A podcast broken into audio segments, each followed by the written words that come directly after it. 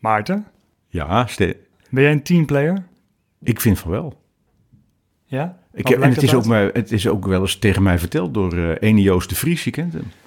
Je chef wielrennen Ja, bij de NOS. ja, Jij bent een teamplayer. ja. En wat, Twijfel je daar soms aan? nou, wat was zijn motivatie? Omdat ik in de Tour altijd eh, zie eh, wat er nodig is om de goede dingen te doen. En dat ik dat ook bespreekbaar maak. En dat ik niet zoals bij de NOS wel eens zien... dat mensen gewoon dan hun eigen spoor gaan trekken. Ik ben Steven Dalebout en tegenover mij in deze Utrechtse zonnige serre zit Maarten de Croo. Steven Dalebout. Steven Dalebout. Maar daarvoor zitten ze duidelijk linkerballen, linkerballen, linkerballen. Steven Dalebout. Steven, Steven Dalebout. Oh, weer valt de tijd. Maarten Ducro. Wat is dat nou toch? Maarten, hoe is het met je? Eh, verrassend goed eigenlijk. On- Ondanks dat alles stil is gevallen en eh, er- niet gekoerst mag worden, nog door mij, nog door de renners, eh, nog door de bedrijven met wie ik werk. Iedereen zit in zijn hok. Ja. ja, dat- daar kun je ook een beetje van in de war raken. Toch? Ja, niet alleen dat, omdat, het er, omdat er dan geen wielrennen is, en omdat eigenlijk, maar vooral eigenlijk omdat alle Nou ja, vastigheden onder ieders voeten zijn weggeslagen. De dingen die ertoe doen in je leven eh, blijken ineens eh, toch minder belangrijk te zijn, of te kunnen zijn, of gemaakt te kunnen worden. En eh er zit niet zomaar iets voor in de plek, maar dat, dat komt eigenlijk best snel. Wel gezond, iedereen? in de Bij ons is iedereen, iedereen gezond. Nou, dat vooral houden zo, hè, zou ik zeggen. Ehm, maar goed, ja, we hadden het over die, die onzekerheden. Ehm, dat, dat, merk je nu ook al natuurlijk in het wielrennen bij organisatoren. Zullen we eerst eens even bellen met Sven Jonker? Die heeft eerder in deze krotcast gezeten. En Sven Jonker is de persman bij Astana. Dan komen we zo meteen over te spreken over bij wie jij bent langs geweest. Hè? Wie de gast is, wie de grote gast is van deze... Kunnen we ook wel weggeven, want dat staat natuurlijk gewoon in de beschrijving. Ivan Spreker- Spekerbrink, daar komen we zo meteen op. Maar eerst even bellen met Astana dus. Met Sven Jonker, de persman bij Astana. Want daar eh, worden in één keer geen lonen meer uitbetaald. Geen salarissen meer uitbetaald. Zullen we gewoon eens bellen? Ja.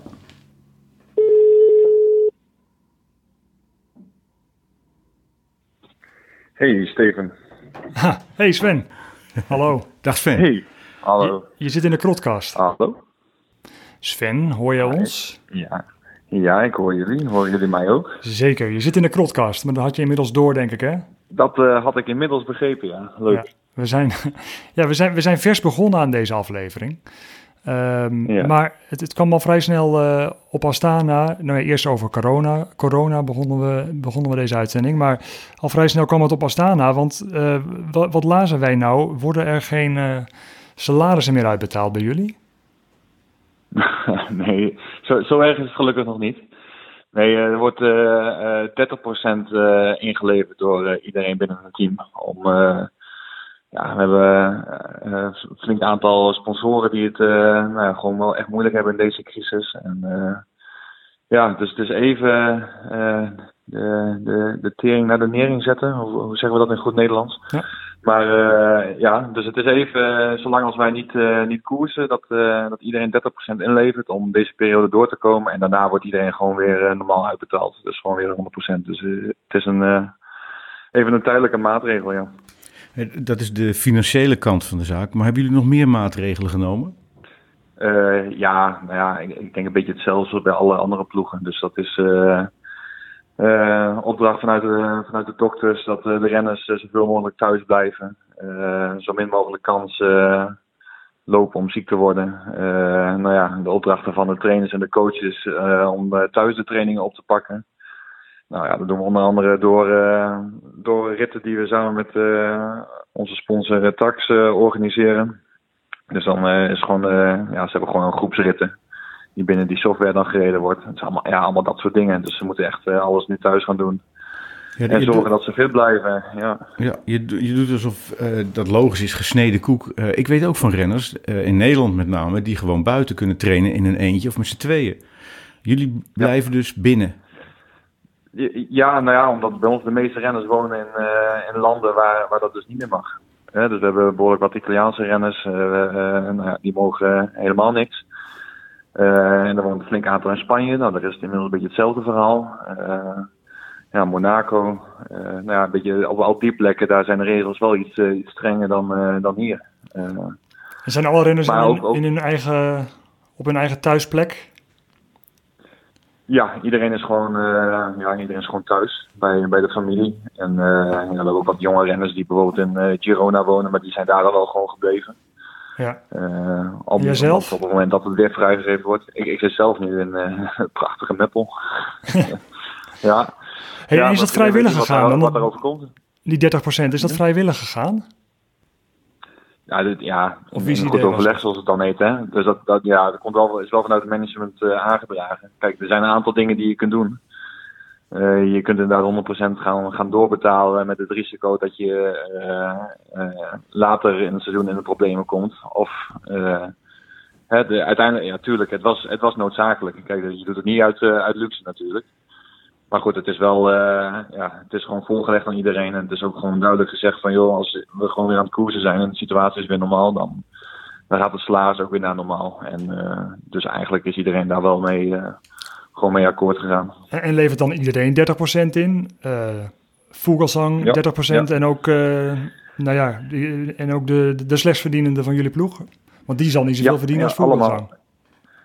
Ja, nee, ja, het is eh, van, eh, van management tot eh mechanieken tot eh, alle renners. Dus inderdaad iedereen, ja. Iedereen evenveel. Tenminste, qua percentage. Ja, Qua, qua percentage, ja. ja. Hey, en hoe ver Ja. hebben jullie daar contact over met de andere ploegen? Want ik kan me voorstellen eh, dat er nu ook ongewild verschillen tussen de ploegen staan. Er zijn eh, bijvoorbeeld, ik denk aan Belgische ploegen eh, als Lotto Soudal, die worden de overheid gesponsord, als ik het grof zeg. Dus die hebben dat probleem veel minder dan sponsoren die rechtstreeks afhankelijk zijn van, van mat- ja, materiaalverkopers. Dus jullie toch ook veel ma- materiaalsponsors hebben, fietssponsors, noem maar op. Hebben jullie het daarover? Ja, er is, er is veel contact tussen de ploegen, maar dat, ja, dat, dat is echt iets van het, eh, vanuit het management. Dus we hebben inderdaad wel contact met andere ploegen. Het is ook ja, soms ook gewoon puur praktisch. Hè? Eh, kijk, sommige, sommige landen hebben een hele goede regeling voor mensen die werkloos eh, raken. Even uit mijn hoofd, voor mij was dat bij bijvoorbeeld Lotto. Kijk, als, als de regering goede, goede maatregelen daarvoor heeft, ja, dan kun je als ploeg wat makkelijker zeggen van joh, we gaan jullie allemaal op werkloos zetten en dan worden jullie als het goed is eh, genoeg doorbetaald om eh, die periode door te komen. Ja, die situatie is bij ons weer net iets anders en dat, dat is allemaal wel even beetje te maken met regels van eh, de regering waar je gevestigd bent en dat soort zaken. Daar weet ik alle details ook niet precies van hoor, maar ja, op basis daarvan worden ook de keuzes gemaakt. Maar er is, volgens mij is er onderling ook wel redelijk wat overleg over. Ja. Ja. Hey, het is al aan, aan, aan je toon te horen, eh, ook voor de luisteraars, het, eh, de- het enthousiasme waarmee ik je eh, nog sprak bij, de openings, bij het openingsweekend toen dit nog niet bleek, dat, dat is een stuk verder weg. Hoe hou je de moraal erin bij die renners? Want dat lijkt mij, voor, straks mogen ze weer een keer, eh, het- misschien over drie maanden, misschien over zes maanden. Hoe hou je ze scherp? Ja, ik denk dat dat. Uiteindelijk zijn het professionals, hè. Dus dat. eh, ja, ze, moeten wel in die zin. Eh, maar ja, er is veel contact onderling. Dus. weet je, er zijn allerlei sponsoren die nu allemaal activaties ook willen doen. Hè. Daar is nu ook tijd voor. Dus ik heb best wel veel contact met de renners ook. Ja, en dan is het even. Ja, toch even een gezellig praatje maken. Even wat eh, herinneringen van de afgelopen jaren ophalen. eh, Eh, ja, beetje Sven, begrijp ik nou goed dat je, dat je druk hebt met de PR, omdat die jongens nu in één keer allerlei buitenkoerse activiteiten moeten ontplooien? Nou ja, nou ja niet, niet heel veel, maar er zijn inderdaad, oh ja, een voorbeeld is er bijvoorbeeld met tax. Ja, voor hun zijn dit natuurlijk Ja. hele interessante tijden. Eh, dus ja, die willen wat dingen organiseren. Nou ja, goed, eh, iedereen heeft nu toch tijd om eraan mee te werken. Ja. En zo zijn er nog wat meer dingen, maar dat, dat zijn allemaal kleine dingetjes hoor. eh, van Dus zelfs de- sponsor die wat... eh, Wie wordt, wie wordt jullie kopman in de Ronde van Zwitserland? De, de, de virtuele versie dan, hè? De virtuele versie, nou ik, ik, weet, ik, ik heb nog niet eh, te horen gekregen dat wij daar echt aan mee gaan doen. Ik, weet, Oh. ik weet dat we uitgenodigd zijn, maar voor mij zijn ze daar nog in overleg of wij daar ook aan mee gaan doen. Dus dat, dat weet Waarom ik nog niet? Eh, geen idee. Dat, dat wordt nu overlegd. Ja, dat moet even overlegd worden of dat allemaal... eh, en de Tour dan? Willen jullie, ja. willen jullie de Tour rijden als, als, als, eh, als eh, de ASO, als Prudom eh, toch doorzet en iedereen eh, door het land heen duwt? Tenminste, niet iedereen, eigenlijk alleen de renners. Willen Ja, jullie dat? Dan moet ik inderdaad, dan moet ik eigenlijk even eh, mijn, mijn, eh, nou, onze teammanager eh, Dimitri Vovanov even, even quoten. Die zegt van, die, die denkt dat het eigenlijk een soort van utopie is dat het door zal gaan. En dat, die sluit zich eigenlijk een beetje aan bij wat ik ook gelezen heb van mensen zoals Pluggen. Mhm. dat, dat het eigenlijk, ja, ei- eigenlijk is het, is het niet mogelijk. Als je kijkt naar uit hoeveel landen mensen komen. Kijk, we hebben ook nog eens, we hebben renners van Colombia tot aan eh, Kazachstan. Kijk, die moeten net allemaal maar weer eh, eh, vrij kunnen reizen in juli, bijvoorbeeld. Ja. even Heel praktisch gezegd. Dus ja, Ja, die Fransen zullen zeggen, dan komen die toch niet. Dan, dan, dan, dan zetten we toch een, een extra Europeaan ja, in die precies. ploeg. Maar dan, ja, ik weet niet of je dat ook moet willen. Stel dat in Colombia in juli een beetje dezelfde situatie is die wij nu hebben. Ja, dan zou bijvoorbeeld onze beoogde kopman Lopez zou dan het land niet uit kunnen. Ja. Ja, dan krijg, je- dan krijg je toch een andere tour eh, waar, waar misschien de AS ook wel niet op zit te wachten. Dus ik denk dat ze dat waarschijnlijk ook wel meenemen in een, eh, in een overweging. Ja. Goed, ben jij zelf eh, gezond? En iedereen om jou Ja, heen? ja nog, nog wel. Nog wel. Ik klop het meteen even af. Maar eh, nee, iedereen is eh, gezond en wel. En eh, ja, we zitten maar lekker thuis. En wachten tot we weer aan de slag mogen. Ja, Oké, nou, hou je haaks. Dankjewel Sven. ja komt goed joh. Jullie ook. Dankjewel, Sven Jonker. Jo, hoi hoi. Ja, er spelen ondertussen best veel dingen hè, in het wielrennen. Maar hoor je hoe somber die eh, klinkt? Hij praat een octaaf lager dan normaal. Dat is even de oude psycholoog die het zegt. Ja, het, eh, Sunweb gaat er heel anders mee om, hè? Ja, en zo komen we bij, eh, inderdaad, bij het onderwerp van, eh, van deze aflevering. Krotcast nummer, wat is het? Ik heb geen 11 idee. hè? Dacht ik. Ja, uit mijn hoofd, 11. Je bent langs geweest bij Ivan Spekenbrink. Ja, en nog... Waarom? Ehm, altijd Trouwens, nog... even terugkomen. Jij vroeg aan het begin waarom ik die vraag stelde. Ben jij een teamplayer? Daarom was dat. Als teamplayer mag je bij hem eh, langskomen. Bedoel je dat? ja, dat klopt. Eh, De, dat, dat, dat- de reden dat ik bij hem langs ben gegaan is omdat ik... ik kom hem natuurlijk overal tegen. En hij is een... Hij begon als buitenbeentje. Daar vertelt hij zelf ook mooie dingen over. Dat moet hij zelf maar doen. Eh, als jonkie eh, werd zelfs verward met eh, een ober. Dus de ploegleiders zaten bij elkaar en ze zei tegen hem... kom eens eventjes wat koffie brengen. dat jonge gastje met dat witte hemd zou de ober wel zijn. En, En hij zat daar als ploegleider van Skill of zo. het was die, het was die bij Arend Schepping nog met de Ah. Bank Giro Loterij. En, maar hij heeft een hele bijzondere visie op eh, presteren. Ik zit helemaal voor me, ja. Ja. Hij heeft ook altijd zo'n mooi overhemdje aan. Ja, ja, en het is een jonge gast. En hij kwam helemaal niet uit het milieu. Nee. En, en eh, wielrennen, de apenrots, is gewoon bij uitstek de omgeving waarin je eerst de maat wordt genomen. En als je na 25 stampen op je kop nog steeds boven de grond uitsteekt, dan zeggen ze dat is een goeie. Nou, hij steekt nog steeds boven de grond uit, nog meer dan dat. En je weet het, we zijn in bijna alle podcasts geïnteresseerd in wat nou de omstandigheden zijn waarin die onnoemelijke prestaties geëist worden en tot stand komen. En die omstandigheden worden vaak door die ploegen en hun coaches gecreëerd. Natuurlijk ook door de renners, maar die coaches die hebben daar heel veel invloed op. Dus eh, ook Astana hebben we vorig jaar uit en daarna besproken. Daar zitten ploegleiders bij die we later nog gaan tegenkomen, want die zijn daar weggegaan. En op, dus Mi- Michelson, eh, die, die zitten nu bij Dimension Data, een veel geplaagde ploeg, juist op het coachvlak. En die zie je daar weer een verandering in doormaken. Nou, het leukste is om iemand die daar een buitengewoon heldere, maar ook controversiële visie op heeft, Spekerbrink, om die eens aan de tand te voelen hoe die Ja. het nou doet. En heb je ook een beetje journalistieke vragen gesteld? Zoals van, eh, hij is ook de baas van de, van de AIGC. Ja, ja, ja, Is de voorzitter. hè? Eh, Gaan we wel naar de Tour? Wil je dat wel? Heb je die vraag ook gesteld? Zeker, zeker. Want het heeft alles met zijn coaching te maken. Hij, eh, een van de dingen die hij me na afloop vertelde... we hebben in februari gesproken, een maand geleden nu. Nou ja, sindsdien zijn alle kaarten anders komen te liggen. En heb ik hem gebeld en heeft hij uitgebreid gesproken... over hoe hij met de nieuwe omstandigheden omgaat. Nou, gaan we het daar later nog over hebben in deze Krotcast. We bellen ook nog met eh, Kees Bol straks. Een van zijn renners. Een van zijn renners. Eh, maar eerst dus eh, ja, over het ontstaan van die ploeg. En dat ging eigenlijk over misschien wel een van de belangrijkste vragen in de sport. Hoe word je de beste? Als je wil presteren, wil je grip op de zaak hebben. Dan ben je niet laconiek en zeg je, oh, welke, week, welke koers heb ik eigenlijk komend weekend? Dus eigenlijk willen we ook beter voorbereid zijn. Dat geldt voor iedereen. Nou, dan heb je sporten waar waar je met super concentratie heel ver komt. Eh, zonder, het nu, ik, zonder te bagatelliseren, maar neem drie sporten. Neem, neem, eh, neem darts.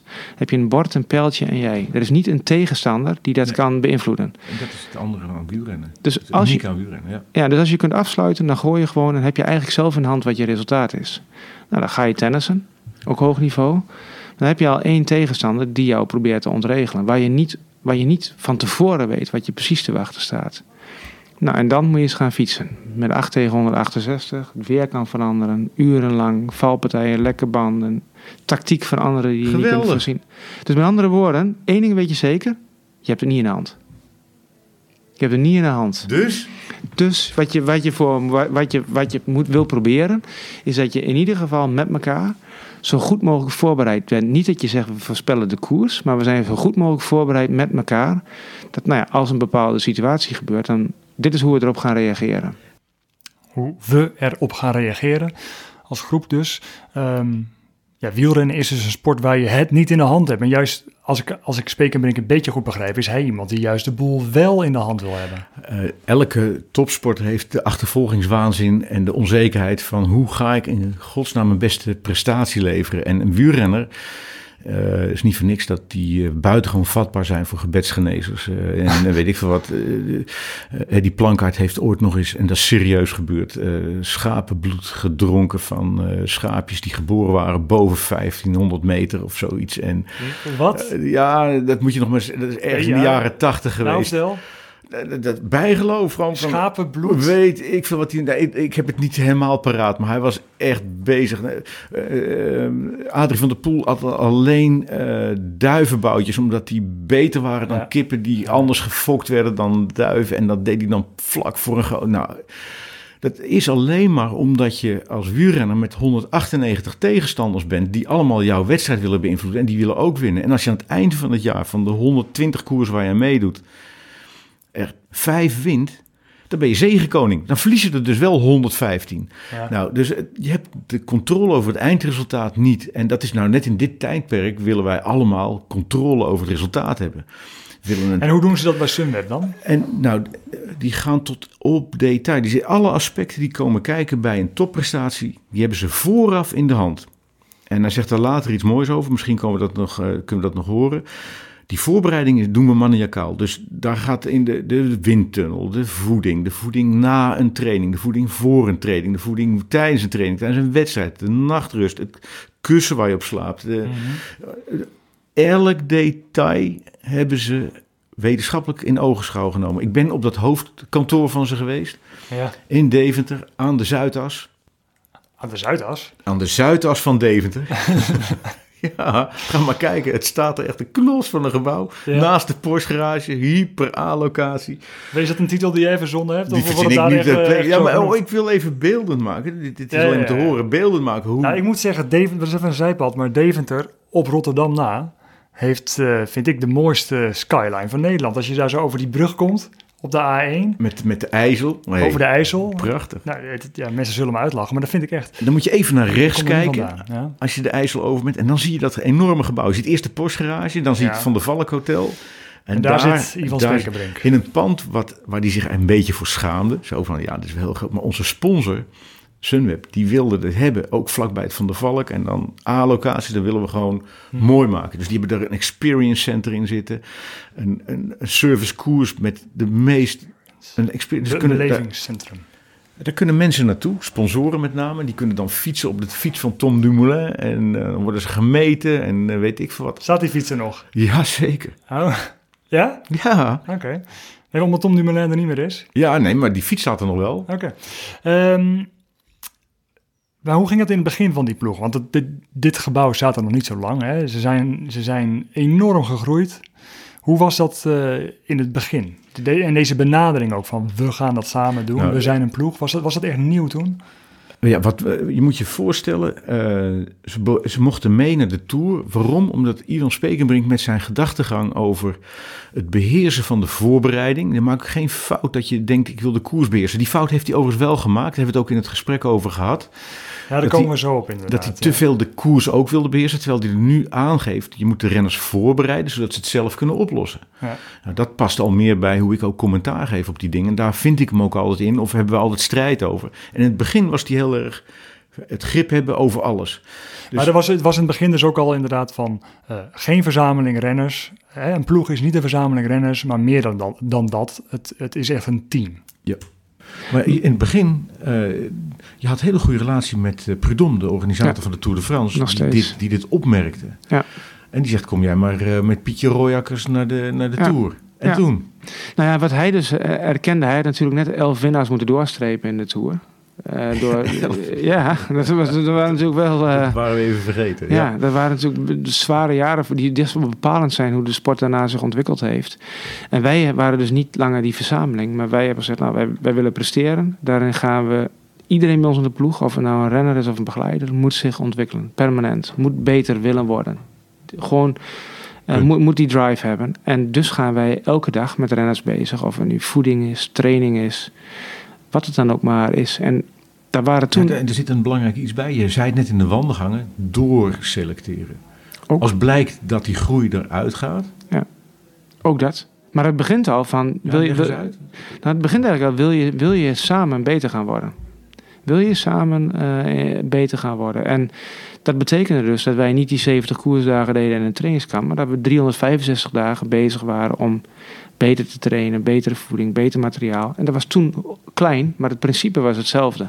Nou, in die jaren hadden natuurlijk lang niet alle renners, want de wielersport was anders. Die, hadden, die dachten, wat gebeurt daar dan? We waren ook geen bedreiging. We waren niet dat we met op de borst hadden te kloppen van we weten dingen beter. Absoluut niet. Maar het was wel anders. Mensen keken er een beetje raar naar. En dus hebben we met hele jonge, ambitieuze renners. En dat was inderdaad Piet dat was Albert Timmer, dat was Tom Velers, Roy Curvers. Kenny van Hummel, hè, die tijd. Zeker. Ja, maar nou, jij bent van de oude stempel. Hè? Nam jij die ploeg destijds serieus? Eh, ik- ik nam ze eh, zeer serieus.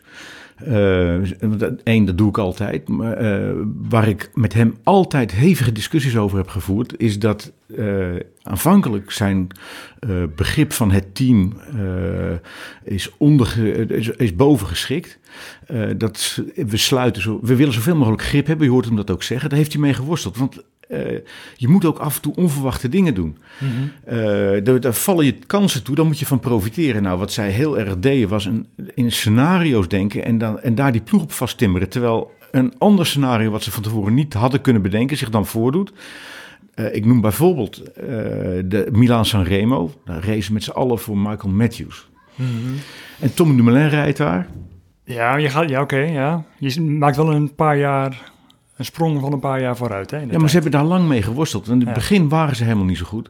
Eh, bijvoorbeeld, nou, we hadden het nu over de tijd van Kenny van Hummel. Nou, en- laten, en- en- laten we dan Kittel nemen. Dat was in het vrij Ja. begin van hun periode. Ja. Want Kenny van Hummel was de sprinter. daarvoor. De, de, de, Nee, Kenny van Hummel was een sprinter en. Kittel moest op kop gaan rijden voor hem. ja. En die deed dat zo goed, dat Kenny van Hummel, die geen topsprinter was, in de ronde van eh, ergens daar in eh, Zuid-Afrika. Eh, die reed eh, Van Hummel eraf. En Van Hummel die voelde, ik ben nog helemaal niet goed in dit voorjaar. Kan jij niet het sprintje zelf doen? En toen won hij verdorie vier etappes. Ja, want ze hadden dus Kenny van Hummel, daar gingen ze mee naar de Tour. En toen kwamen ze inderdaad met een transfer aanzetten. Ehm, en toen kwam in 2011 ehm, kwam Marcel Kittel bij de ploeg. En eigenlijk wilde niemand Marcel Kittel hebben, want hij was iets te groot, iets te zwaar. Hij dacht zelf al tien jaar lang dat hij tijdrijder was. Was Duits kampioen tijdrijden, Europees kampioen tijdrijden in de belofte categorieën. Nou goed, en wij zijn dus bezig met mensen begeleiden. Dus we, de eerste, de beste inspanningstest en trainingskamp. Daar dachten we dat onze powermeters niet klopten, want die jongen reed een record. En die moest eigenlijk officieel nog, het was net voor 1 januari, die moest nog prof worden. Getallen wil ik hebben. Ja, ik, ik vraag me niet, maar het was een extreem. Ik zie nog het appje binnenkomen van. Dit kan niet waar zijn, deze, dit, dit, dit, dit aantal kilowatt. Dus toen hebben we gedacht van nou, dat ding moet geëikt worden. Eh ander apparaatje ervoor, nog een keer gesprint, nog een hoger getal. Toen hadden we een positief dilemma van hadden iemand die in zijn hoofd tijdrijder was. Die ehm, fysiek had alle kenmerken van een absolute sprinter. Dus we een, een goed gesprek gehad van ja, wij zijn ervan overtuigd dat daar je talent ligt. Je denkt eigenlijk eh, dat je tijdrijder bent. Wat gaan we doen? En als we ervoor gaan, dan moeten we ook anders gaan trainen, anders gaan voorbereiden. En we hebben toen die keuze eigenlijk gemaakt. En toen, Wat was zijn reactie? we hij was er wel vrij snel in mee. En toen zijn we, toen was zijn eerste koers was Langkawi, met Van Hummel toen nog. Eerste ritsprinter van Hummel, tweede zou Kittel winnen. En die rit won hij al bijna met een seconde voorsprong op de rest van het peloton. dat, was, dat was krankzinnig. een krankzinnige sprint. En hij ging dus direct eigenlijk winnen. En toen kwam een heel belangrijk moment in april. Want ja, hij was in één keer beroepsrenner geworden. Begon direct te winnen met zijn sprint. En in april had hij dan nog even Duits kampioenschap tijdrijden. En dat viel flink tegen. Want daar had hij natuurlijk anders getraind. Hij werd uit mijn hoofd hij 12e of 14e. En dat was een heel belangrijk moment. Want toen begroef hij eigenlijk ook zijn... Oké, ik ben dus geen tijdrijder meer. Ik moet niet op twee gedachten henken. Ik ga nu mijn carrière opbouwen als sprinter. Vol grappig, hij had het over dat appje? Over de kilowatt, alsof het een soort elektriciteitscentrale is, die eh, Marcel Kittel, maar dat ging eh, ja, over watt, neem ik aan. hè? Ja, de wattages. Ja. Ja. Ja. Ja. Maar ze- zijn wattages waren zo hoog dat hij ze in kilowatt moet uitdrukken. ja, ja. ja. Maar dan kom je ook niet verder dan twee, denk ik dan. Nou goed, maar dan nog. Ik weet niet wat jouw laatste wattage is op je, op je Swift. Maar eh, ik kom bij een gemiddelde van 220 als ik tegen de wind in rij op het moment. Ja, en, en, en in de sprint, sprint je nog wel eens? Ben jij helemaal een haartje blazen? Dat doe ik echt niet meer. Nee, maar goed, Kittel, dat was, ik weet het ook nog wel. Dat ging toen in het wielrennen, ging het echt alleen maar, eh, nou niet alleen maar, maar het ging over Kittel. Ja, er is nu iemand, eh, tijdrijder, maar die kan toch sprinten, joh. Dit wat hij nu vertelt over die kilowatt, wat Spekenbrink vertelt, dat, dat deed echt een ronde toen. Ja. En, maar wat er heel belangrijk bij is, en dat, dat was een hele leuke teneur ook in het gesprek, dat ze aanvankelijk zei van nou oké, we bereiden hem dus voor als sprinter. Maar dan nog blijkt, ook al wint hij meteen, dat je geen controle hebt. Hij werd namelijk ziek na één etappe in zijn eerste tour. Eh, toen moest hij weer een jaar wachten. Eh, en, en dan heb je geen alternatief. Dus ze, waren heel erg vast in hun scenario's en ze schakelden daar weinig tussen. gaan we een jonge beroepsrenner al meenemen naar, eh, naar de Vuelta. En dat hebben we toen gedaan, wetende van misschien moeten we hem wel ergens uit koers gaan halen. Dat het te veel gaat zijn, maar er waren een paar eh, kansen. praat je nu over? 2011. En daar hadden we, en dat was best wel een, voor ons een markant moment, waren daar echte cultuurdragers in de ploeg. Dat waren Johannes Freulinger en, en, ehm, en Simon Geschke, maar dus ook eh, Roy Curvers, Albert Timmer, Tom Velers. Die mannen waren er allemaal. En we hadden een rit uitgetekend. En daar waren wij voor het eerst echt een, een volwaardige eh, sprintploeg. En die rit wonnen we. Dat is onze eerste rit in een, in, een, in een grote ronde. En dat is het mooie van sport. Op het moment dat je een doel hebt en je presteert. En je verliest natuurlijk heel vaak in de wielersport. Maar als je dan ook wint. Ik heb daar ren- de namen die ik net noemde. De helft heeft gewoon, heb ik echt zien huilen. Die volwassen kerels zie je niet gauw huilen. Zo eh, leefde, dat, het, leefde dat moment. En die wonen niet zelf, maar die waren daar zo... Ja, op dat moment heb je je plekje in het wielrennen natuurlijk. En vandaag groeide het door. Toen is in 2012 nam Marcel mee naar de Tour. Toen had hij een heel goed jaar. Maar in de Tour viel het, eh, ja, werd hij ziek. En toen 2013, eh, ja, direct de eerste rit op Corsica. Rit winnen, gele trui pakken. En daar volgden toen nog, eh, nog drie ritten. En, en wat je aangeeft, van, ja, je deed toen alleen de sprint. En, en dat is eigenlijk dat, toch weer die simpele visie. Op het moment dat het, dat het zeg maar, hoe krijg je de juiste man zo fris mogelijk, zo ver mogelijk in de finale om te kunnen scoren. Ja, als Ajax goede vleugelspitsen heeft, dan gaan ze 4-3-3 spelen. Wij hebben een hele goede sprinter. Dan ga je die kans eh, proberen te vergroten. En later kwamen er andere type talenten bij de ploeg. eh, John Dekenkoop. Ja, dan ga je dan in één keer ga je Roy Curvers en Albert Timmer ook voor dat soort wedstrijden gebruiken. Want dan kun je misschien wel een monument eh, gaan winnen. Daarna kwamen klassementsrenners en ga je die kans vergroten. Dus e- eigenlijk is topsport is kansvergroting. En, en daar waar je bijzondere kwaliteit hebt, ja, dat ga je sterker maken. Dus de visie is, eh, als team ben je sterker. Maar er zit toch ook een soort van paradox in. Want Kenny van Hummel, die had nooit een toerrit gewonnen. Ehm, Marcel Kittel wel. Ehm, dus dan is het toch ook zo dat je een sterk individu nodig hebt om als team sterker te kunnen zijn. Ja, je moet een, eh, die kansvergroting, die, eh, die kan alleen als er ook echt een kans is. Ehm, en, en daar heb ik, eh, want ze hebben er lang over gedaan. Hè. Ze winnen hun eerste etappe in een grote ronde met Marcel Kittel in de ronde van Spanje. Ja.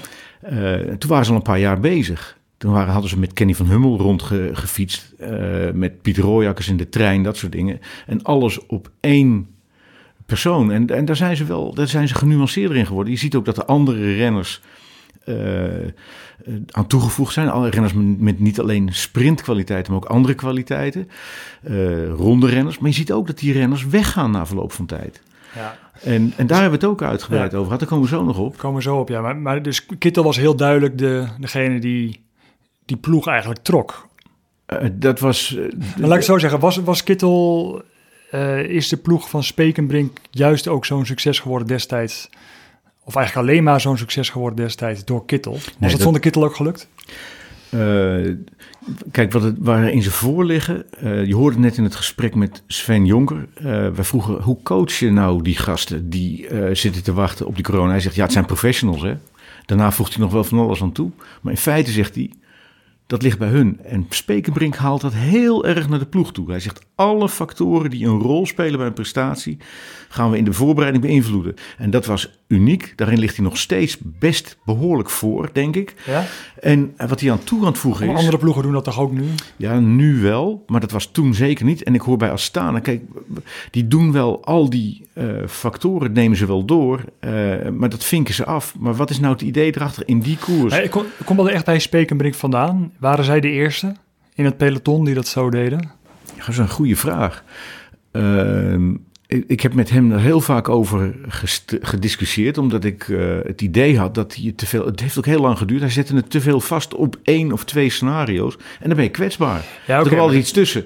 En daar, eh, waar hij in voorop loopt, er inderdaad om te gaan bouwen met renners die op papier nog helemaal niks waren. Hij heeft nooit de grote namen gehad, hij heeft alles Ja. zelf opgebouwd. En ik dat, weet nog dat in- maakt in de hem uniek. begintijd. eh, Werd hij door peloton niet serieus genomen. Dat klopt. In de begintijd weet ik nog wel, dat, je, dat, dan, dat was dus in die skilltijd. Er zaten er een groepje renners, hadden ze ergens een huis, volgens mij ook in de, ergens in het oosten van het land. Ja. Hadden ze een huis ergens in een woonwijk. Nee, dat is in eh, Zuid-Limburg is dat. Nee, nee, nee, dat, dat was nog daarvoor. Oké. En eh, daar heb ik nog een reportage gemaakt voor, eh, voor NOS Radio langs de lijn. En ja, daar zaten in één keer al die renners in een woonkamer. 's ochtends ja, aan de ontbijttafel zaten ze inderdaad. En die gingen dan met elkaar trainen. Dat was toen echt, werd het zo eh, gebracht als van dat is nieuw. En dat was volgens mij ook wel nieuw in het Nederlandse wielrennen. Maar ik vroeg mij dus af, Ja, hoe, hoe, is dat internationaal gezien geweest? het, het nieuwe eraan is, eh, in het oude wielrennen zeiden ze van nou 1 eh, maart is de openingskoers Ja. het volk. eh, zorg dat je in vorm bent te groeten. En dan waren er af en toe eh, trainingskampjes. Dat wil zeggen dat we twee dagen met elkaar gingen trainen. Hij zegt van bij een voetbalteam zit iedereen elke dag bij elkaar. En wij komen één keer in de... Precies, zo, precies. en dat gaan we, dat gaan we intensiveren. En, en daar heeft hij dat, maar dat zijn allemaal dingen die, die, eh, die, die de ploeg eh, steeds heeft eh, doorontwikkeld. Hij, hij laat ook het woord vallen, we moeten kijken waar we beter van worden. Als iets niet werkt, dan selecteren we door. Hij heeft dus ook afscheid genomen van een aantal mensen. Ja. Die passen niet in dit beeld. Dan nemen we af. We ontwikkelen dus ook zijn ideeën over al die mensen monomaan bij elkaar zetten. Alle ballen op Kenny van Hummel. Dat heeft niet altijd gewerkt. En daar heeft hij dan ook afscheid van genomen. Hey, toen jij, toen jij nog jong was, nee, wanneer, dat in de jaren tachtig, hè, dat jij eh, op de fiets zat. Eh, hoe was het? Ja, je, je gaf het al een beetje weg zojuist, maar hoe, hoe was het teamwork toen? Nou, wat, wat, eh, er waren twee grote verschillen. Als we in de koers kwamen, waren we individueel voorbereid, dus niet als team.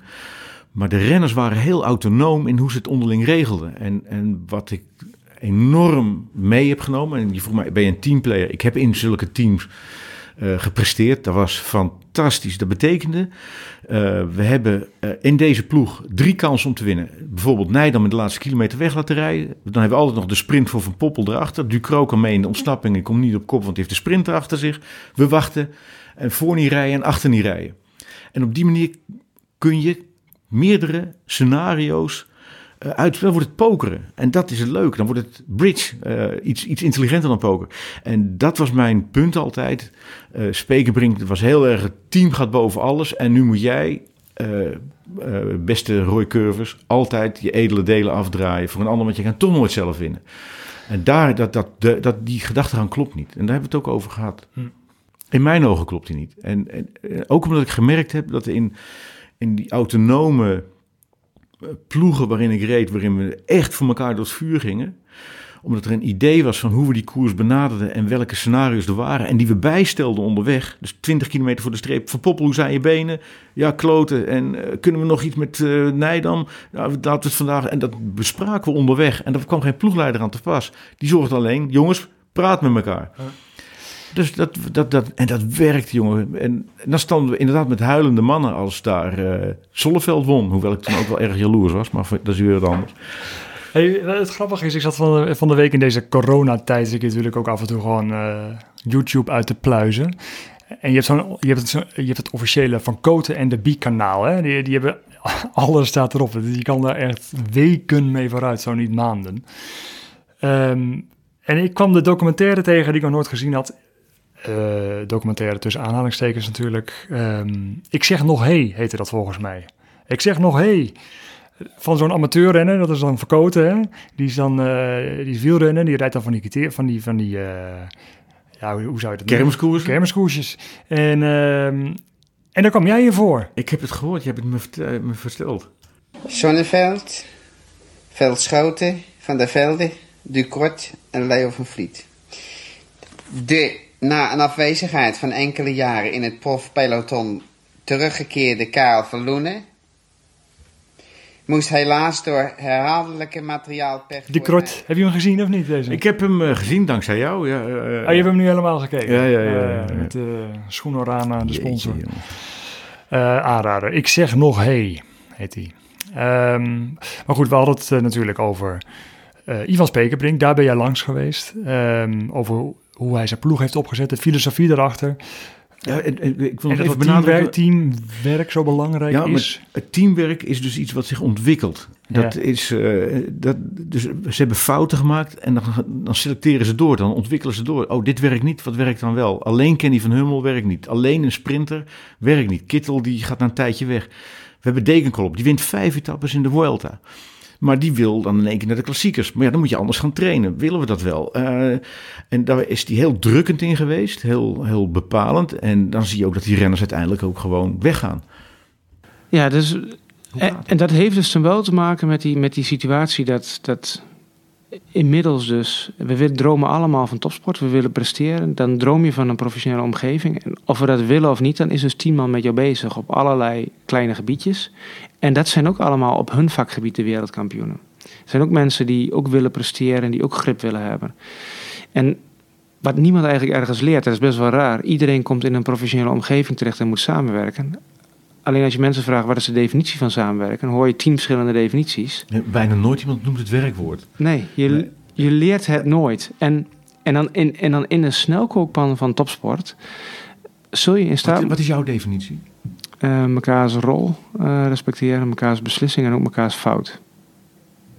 Als je dat respecteert namelijk, dan ga je een discussie aan op inhoud en word je beter. Oké, En daar ben je het heel vaak me eens. Niet mee bemoeien, ik moet jou uithouden, maar eh, dat, je kunt elkaar alleen respecteren in iets als er ook in de situatie echt iets gebeurt.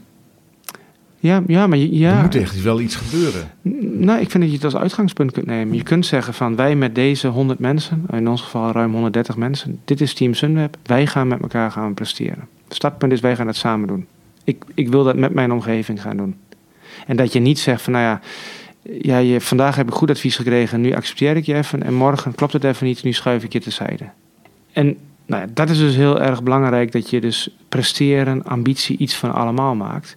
En elkaar dus in een rol dat je niet denkt van nou, alle, alle energie die ik van mijn mensen kan krijgen is mooi meegenomen, is inspiratie, is advies. Maar ik geef het ook terug. Ik geef hun ook, ik empower hun ook om, Ja. om, om verantwoordelijkheid te nemen. Hij wil geen profiteurs dus. Maar even voor de duidelijkheid, was dit nou antwoord op de vraag waarom eh, Kittel en Dumoulin weggingen? Nee, Oké. Nee het, is, het zit er wel in verscholen, maar hij houdt zich heel diplomatiek. Eh, het gaat om het teruggeven. Dus wat doe je terug voor de ploeg? Als je alleen maar komt van, nou, ik ben de man en eh, de man die alles kan en jullie moeten voor mij rijden en weet ik wat, dan, dan begrijp je natuurlijk wel dat er iets van de vibe weggaat. Dat 1 en 1 niet meer 3 wordt. Dat is mijn definitie van samenwerken. Eh, samen is meer dan de som der delen. Dat klinkt heel sukkelig, maar eh, dat is super waar. Dat wordt alleen waar als er ook een ervaring bij gaat, bij komt in de praktijk. Vrek, het lukt. Iets wat, we in mijn eentje, wat ik in mijn eentje nooit had kunnen doen, gebeurt nu dankzij dit hele team. Nou, en, Is en dat, Kittel... voor mij en- zei jij dat je moet elkaar respecteren als er in de situatie iets gebeurt. Ja, nee, nee, wat, is, wat betekent dat? Zei jij dat? Eh, nou, hij zegt van dat is een uitgangspunt. Ja, nee, maar in dat uitgangspunt, dat moet, dat moet in de situatie blijken dat dat zo is. Want dan kan je wel, wij spreken nu af, Steven, wij, jij en ik, wij werken samen. Ja. En dan moeten we wel eerst verdorie maken dat er een krotkast komt die, eh, die een beetje loopt. En, Nou, dat eh, vooral, ja. Ja. En de-. Nee, ga verder, ja. maar dat betekent dat, eh, dat als dat er niet is, Ja, nee, dan, dan wordt het, 1 en ik 1 snap niet het. 3. Dus ik, ik vind die concrete ervaring hoort erbij. En daar hoor ik hem niet over. Maar vervolgens begint hij het uit te leggen. Ja. En dan zegt hij, eh, wat hij net zegt, eh, je verantwoordelijkheid nemen in een situatie. Dat kan alleen als je in een wedstrijd zit en je doet iets wat, wat een verantwoordelijkheid nemen En is. je moet Dus het respecteren als het, als het fout gaat. Je, je moet de ander blijven respecte- respecteren. Ja, en je, maakt het team ook als, of je maakt als team ook de, de fouten En dan en je wint als team. En dan samenwerken wil dus zeggen dat je los van de persoon het over de inhoud mag hebben. Dus dat je het met Kittel mag hebben over verdorie, eh, waarom zeg je niet dat je niet goed bent? Of eh, ik zie je de hele dag niet en eh, dan zitten wij op kop te rijden en je zegt niks. Pe- Speker en ik had het over empoweren. Empoweren. Ja, hoe zou je dat vertalen? Sterk kracht, geven, sterk maken, de anderen sterk maken. Eh, dat sluit aan bij wat hij ook vertelde. Dat het dus niet gaat over ehm, energie nemen, maar ook vooral teruggeven. Hoe doe je dat? Een heel gek voorbeeld is dus gewoon niet zeiken. Dat klinkt heel gek, maar als je wil presteren, dat is een heel, heel raar. Wat, wat is mens eigen? Mens eigen zet vijf mensen bij elkaar. En binnen twee dagen gaan, dan hebben ze iets gevonden wat buiten hun vijf ligt, waar je over gaat zeiken. Nou, jij bent psycholoog, je weet het veel beter. Op het moment dat je dus zo in zo'n zelf een van die zeikers misschien nou, nou, gefeliciteerd voor jouw omgeving. Het is al zwaar genoeg. We moeten dan met de essentie bezig zijn. Hoe winnen we? En we hebben positieve energie nodig. En ons met zaken bezighouden. Wat nu even buiten onze invloed ligt. Waar we niks aan kunnen doen. Waar alleen maar iedereen de moraal naar beneden brengt. Nou, dat moet je dus op het moment dat je met een groep onderweg bent. Op het moment dat je een positieve stemming. ga je veel beter presteren. Niet zeiken. Ja, Is het zo makkelijk? Nou, dat, dat is, eh, volgens mij hebben we het daar later ook nog over. Dat is de doe spontaan paradox. Heb lol, ontspan je, eh, wees spontaan. Doe spontaan. doe spontaan. Ontzettend moeilijk. Eh, maar op het moment dat, dat er dus in de praktijk iets gebeurt, jongens, stop met zeiken, we gaan nu fietsen. Dan werkt het wel. En dat is wat hij steeds, eh, wat hij zegt eigenlijk. Ja. Ja. Hoe gaat het bij jou in de Tour de France? Ja, als jij er als commentator bent. Ben je altijd positief? Ik kan ongelooflijk me ergeren aan, eh, aan duidelijk zichtbaar gezeik in de koers. Van jongens die eh, eerst gaan bellen. Ik vind een van de mooiste... Nee, maar over jezelf bedoel ik, in, in de NOS-ploeg. Loop jij wel eens te mopperen? Nou, dat durf ik wel van mezelf te zeggen. Dat, eh, dat als ik iets te zeiken heb, ga ik naar degene toe die, die het betreft. En dan gaan we over de inhoud praten en dan, dan komt het weer los. Dat is ook waarschijnlijk, eh daar doe ik in elk van mijn best voor. Dan zit jij heel meesmuilend te kijken. Dat Nee, herken nee, je toch wel hopelijk. Jazeker, zeker. Ik probeer hier gewoon een heel on, onbevooroordeelde, ongekleurde vraag te stellen. Maar weet je wel hoe moeilijk dat is om te beantwoorden of jij een teamplayer bent of niet? Dat moeten anderen maar zeggen. Ik vind het namelijk ook best leuk om hard op kop te rijden af en toe. En dan denk ik, nou, laat die zeikers maar kreunen in het wiel. Heerlijk. hey, die Kittel, hè, eh, die stopte natuurlijk eh, voortijdig. Waarom was dat? Eh, ik heb hem eh, daar. Hij gaf toen een persconferentie. Dat was naast ons NOS-hok. En ik was eh, nog niet aan de beurt in het commentaar ook. Dus ik heb na zijn persconferentie, op zo'n persconferentie, ja, kan je helemaal geen vragen stellen. Dus heb ik hem even gesproken. En het enige wat hij op dat moment nog kon uitbrengen was dat zijn lichaam aangaf dat hij het niet meer aankon. Hij Ja. kon het niet meer opbrengen. Hij was helemaal uitgewoond. En dat was vooral mentaal. En dus was ehm, Marcel Kittel wielrenner af. En dat was eigenlijk veel eerder dan iedereen eh, had, eh, had verwacht. Ook Ivan Spekenbrink. Ik denk dat het klopt eh, wat hij zegt. Ehm, wat er misschien aan ontbrak is, kijk, niemand heeft hem gevraagd om beroepsrenner te worden. Hij heeft twee, drie jaar lang natuurlijk zelf overal op deuren geklopt van kan ik alsjeblieft beroepsrenner worden. Dat was zijn droom. En iedereen zei, je bent te groot en te dik. En uiteindelijk ging hij door en kreeg hij een contract. En, en was hij ste- jullie, hè? even. Ja. En was hij ook steeds veel eisender, want ja, hij wilde ook presteren. Dus ja, als je veel eisender bent, dan, dan, dan zijn er meer en meer mensen op allerlei vlakken met je bezig. Alleen ergens heeft hem dat ook niet helemaal, eh is dat ook weer net niet helemaal bij hem eh, eh, gepast. En zie je dat het ook die, die, dat 100% commitment aan, aan presteren, de energie krijgen en geven. Dat raakte op enig moment eh, eh, raakte dat op. En misschien bij hem wat eerder dan bij andere mensen. Daar kwam ook nog bij dat we hebben zelden een renner gezien die, die gewoon zoveel talent had. Laat Marcel vijf keer trainen. En hij is al bijna werelds beste sprinter. Die- Het is niet normaal wat voor talent dat die jongen heeft. Dus die kon ook met wat minder commitment eh, kon niet toe om toch supergoed te zijn. Ja, en dan, dan, dan, dan op een gegeven moment komen er andere dingen in het leven. Maakt hij andere keuzes dan puur de essentie om te Maar, maar presteren. dan kan je ook in alle vrede afscheid nemen. Dat denk ik wel. Ik vind als je nu met hem spreekt, is het ook... Het is nog steeds een hele Nee, aardige hij jongen. praat nog vol Ja. liefde over die ploeg. Het is, het is niet een jongen met oogkleppen, hè? Nee, nee, absoluut niet. Nee, die kijkt Heb je die juist wel nodig om eh, alles uit je sportcarrière te halen? Ja, het is, kijk, je kunt de oogkleppen alleen opzetten als er binnen die oogkleppen een heel duidelijke focus is. En eh, eh, die, die, eh, de- het is niet oogkleppen opzetten. Oh, dan is er niks anders meer. Oh, dan ga ik maar presteren. Nee, ik wil presteren, dus heb ik oogkleppen nodig. En eh, dan op zijn niveau, want het is wel leuk om te merken, toen hij begon bij Sunweb, was hij meteen aan het winnen. Toen kwam hij ertoe, werd hij ziek, toen won hij het jaar erop, won hij er vier. Toen ging hij naar een andere ploeg, won hij eerst ook helemaal niks. Quickstep, nul. Eh, toen begon hij weer, nou, toen ging hij naar Katusha voor veel geld en daar heeft hij nooit, want die ploeg is namelijk, dat- ja, die, hij is verdwenen inmiddels, maar dat is een zwart gat. Dat hebben we vorig jaar uitgebreid besproken in de coaching. Nou, dat is juist bij iemand als Kittel is het ongelooflijk belangrijk dat hij geholpen wordt om de focus te houden op iets. Nou, als hij daar niet en in zijn onzekerheid die, die alle sporters hebben in geholpen wordt en je kijkt buiten je focus naar andere dingen buiten je oogkleppen dus of over je oogkleppen heen, ja, dan, dan, is het, eh, dan ga je relativeren en is het over. Zullen we eens eh, contact leggen met eh, een huidige sprinter? Dat lijkt mij Sunweb? geweldig. Ik heb Kees Bol die, die- die- dat zijn de kinderen van de buren trouwens. Hè? Die, Die moeten erop. Die zitten thuis. per se in de krotkast willen. Ehm, Kees Bol gaan we bellen. Heb je zijn nummer? Ja, hoe, hoe, Hij- eh, hij- wat heb je afgesproken? Hij we mij net een wat- sms'je. Bel me via WhatsApp. Bel me. Ja, oh jee. Kan dat? Ehm, nee, heeft hij, zou die een, eh, een iPhone hebben? Dan kan ik hem even Oh, FaceTime. dan ga ik dat even melden. Nee, ik bel hem gewoon kijken wat er gebeurt. Even, waar is dat eh, FaceTime? Je hebt ook Kees Bal er nog in staan. Die Oh, ken jij nog wel, hè? Tuurlijk, Ronde van Vlaanderen winnaar. En de broer van Marianne eh, eh, eh, Priem. Ja. Ja. Oh, nee, dat wist ik niet. Nou, nou, nou, nou, nou. Wat zei je nou? De, De, de, de vrouw van Kees Priem is de Ja. zus hij is dus van de zwager Kees van, van Priem. Ja. Oké. We gaan Kees Bol gewoon eh ouderwets op de telefoon bellen.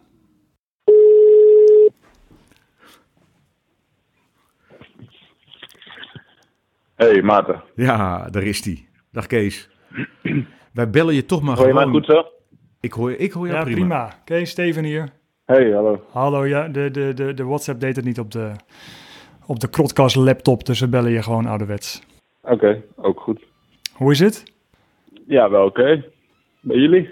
Ja, dat, dat, dat is een goeie. Je zei gisteren, eh, eigenlijk gaat het twee kanten op, maar ik belicht stiekem even één kant. Dus dat is eigenlijk heel normaal. Ik ben op een soort klein trainingskamp.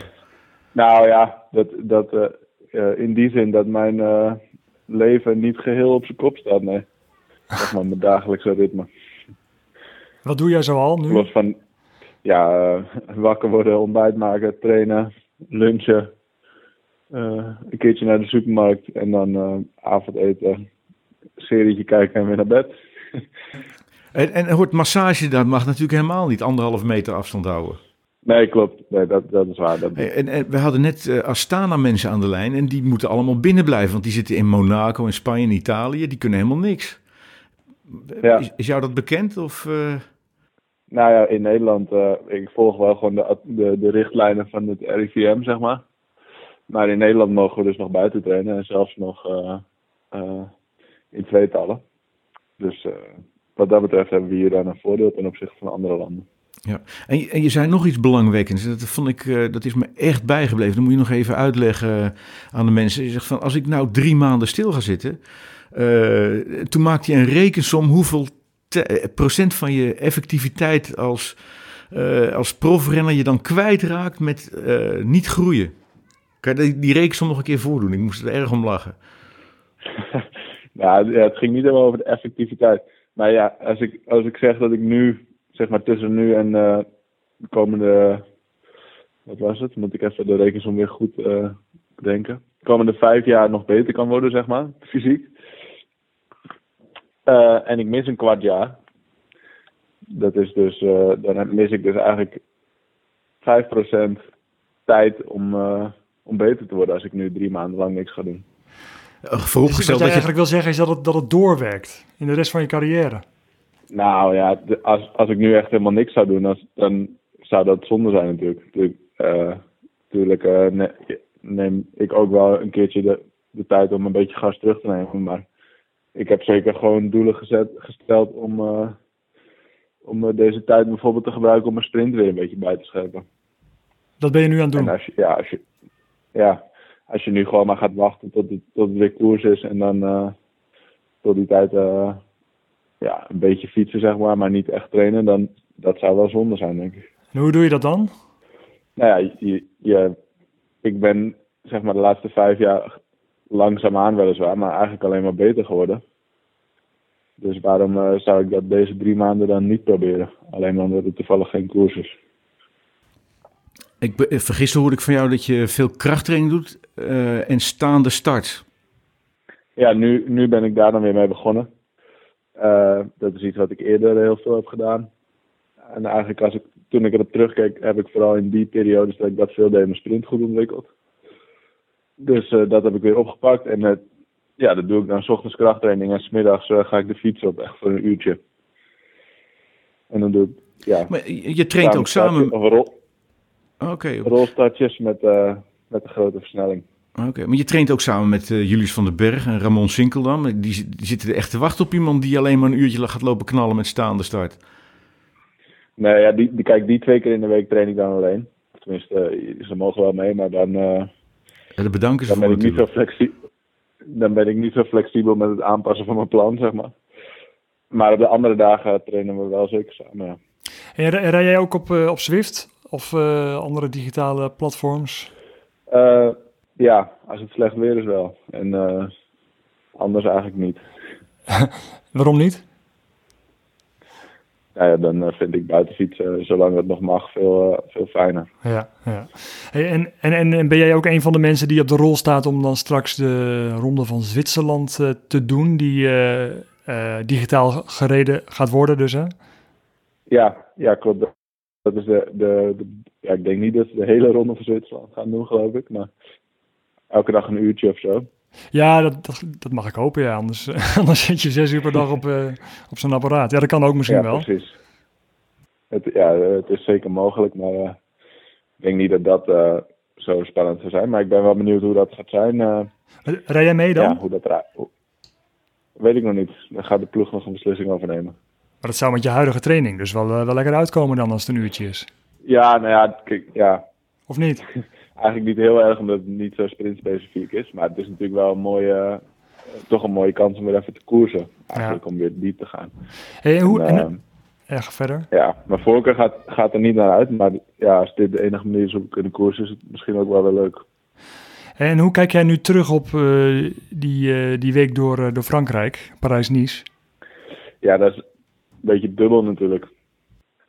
Ehm, enerzijds was het zeker achteraf gezien heel, eh, ja, een beetje surreëel dat we daar, eh, terwijl eigenlijk de rest van de wereld langzaam steeds meer in stilstand kwam, dat wij nog volle bak aan het koersen waren. Dat is natuurlijk een beetje scheef. Mhm.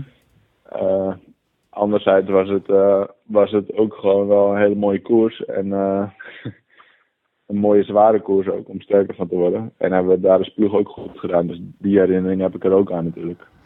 Maar kun jij je goed, voorstellen ja, dat... Het sloeg, het sloeg eigenlijk nergens meer op als je ziet hoe het nu... eh, ja, Nee, hoe deze crisis zich ontwikkelt, zeg maar. Ja, ja. Eh, Kun jij je voorstellen dat eh, straks de Tour de France doorgaat? ja, op dit moment heel moeilijk. Maar ehm, ja, ik, ik ben geen expert, maar het zou, het, uiteindelijk is het natuurlijk allemaal relatief snel zo ontwikkeld. En misschien gaat het ook wel weer relatief snel beter. Dus, maar goed, ja, daar heb ik, ik, heb, ik weet niet of ik nu totale onzin verkondig of niet. Maar ja, ik kan me ook, hè, zoals we ons drie weken geleden niet konden voorstellen dat het hele land op slot ging zo kunnen we ons uh, over een maand misschien al weer iets beter voorstellen dat de Ja. Tour doorgaat. Maar goed, als hij doorgaat, dan gaat hij door zonder publiek, hè? dat is al gezegd. Eh, dat zou Ja. dan, dat, zonder publiek, zonder, zonder pers waarschijnlijk. Eh, echt, echt alleen maar jullie als renners, eh, jullie begeleiding. eh, en dan een, eh, Ja. een camerateam eromheen die het in beeld kan brengen. Eh, dus jullie zijn eigenlijk de enige Ja. die dan door dat land heen gejaagd worden. Want, ja, ik kan me toch ook wel voorstellen dat je zegt van ja, waarom zouden wij daar wel eh, gaan rijden? Nou, lekker rustig. Ja, je bent wel snel terug in het Nee, hotel eh, na de etappe. ja, ja, ja, het is dan meer de vraag van is de Tour inderdaad echt zo belangrijk dat die dan als enige wel door moet gaan. Ja, En eh binnen vind de jij? binnen de wielerwereld wel, want dat, dat- ja, daar draait alles om de Tour uiteindelijk. Maar eh, ja, in het grotere plaatje is het natuurlijk nog steeds slechts, slechts een sportevenement. Maar goed, Een relativerende Ja, wielrenner, dat is altijd slecht voor de topprestatie, dat weet je. Ja, nou ja, maar goed. eh, als het hele land anders nog een paar jaar op, zijn kont ligt, dan, eh, of de hele wereld, dan eh, Ja, zijn we ook niks verder natuurlijk. kijk. Hey, de, breng een beetje de afweging ook, want als alle sponsors afhaken omdat een heel jaar niks is doorgegaan. Het kan natuurlijk ook zo zijn dat er meer sponsoren en meer, meer, eh, meer geld in de sport blijft uiteindelijk, omdat de Tour toch is doorgegaan, zeg maar. En ik denk ook dat dat voor de meeste team, teams uiteindelijk het grootste belang gaat zijn om door te gaan. Ja. Om toch te proberen te rijden. Ik, ik vind het wel interessant om. eh, We, eh, we hebben een voorgesprekje gedaan. Dan noemde je een paar punten over hoe jullie ploeg daarmee omgaat. En jij dus ook. Eh, je zegt van nou, ik heb net wat dingen verteld over hoe ik train, met wie ik train, wat ik daar dan doe. En, maar je zegt we houden ons ook bezig met hoe richt je nou de rest van je leven in? Wat is er allemaal omheen om die oogkleppen? En daar moeten we toch even over nadenken. We spenderen meer tijd buiten de wedstrijden en de trainingen om met elkaar. Hoe gaat dat? En waar heb je het dan over? Ehm, nou, het ging er vooral om dat, dat je. Vroeger had je natuurlijk alleen een ploegleider bij de, bij de koers, zeg maar. En eh, je kan dan wel heel hard gemotiveerd worden, maar je, ja, je moet eigenlijk, zoals Arkin van Dongen altijd al zei, je moet wielrennen ben je 24 uur per dag. Dus het is veel belangrijker om daar ook over te kunnen praten, zeg maar, wat je, ja, wat je de rest van de week doet. Want dat maakt uiteindelijk hoe je presteert in het weekend, zeg maar. Eh, dus daarom hebben we gewoon een coach waar je, waar je eh, altijd mee kan praten over, eh, over hoe je je trainingen volhoudt, zeg maar. En hoe je, hoe je de hele structuur eromheen eh, opbouwt. Ja. Hey, en gisteren hadden jullie zo'n Skype-gesprek. Waar gaat het dan over? wie is die coach Ja, eigenlijk? nu in deze tijd hebben Mark Reef voor mij. Ja. En nu in deze tijd hebben we dan, en eh, misschien is dat ook wel iets dat blijft hangen, maar hebben we toch iets vaker eh, een, eh, ja, het is niet op Skype, het is op Microsoft Teams geloof ik, een, eh een videobelgesprek met, met een groep en daar eh, ja, kunnen we dan wat, eh, wat, wat dingen bespreken. Zoals vorige week hebben we Parijs-Nice nog een keer nabesproken. Ehm, om te kijken of we daar toch nog wat extra uit konden halen. En, Er is verder ook niks hè, na te bespreken. Nee, nee, precies. Ja, gisteren hebben we dan ook een beetje besproken van ja, of, er, of er ideeën zijn om, ja, om toch bezig te blijven als groep ook.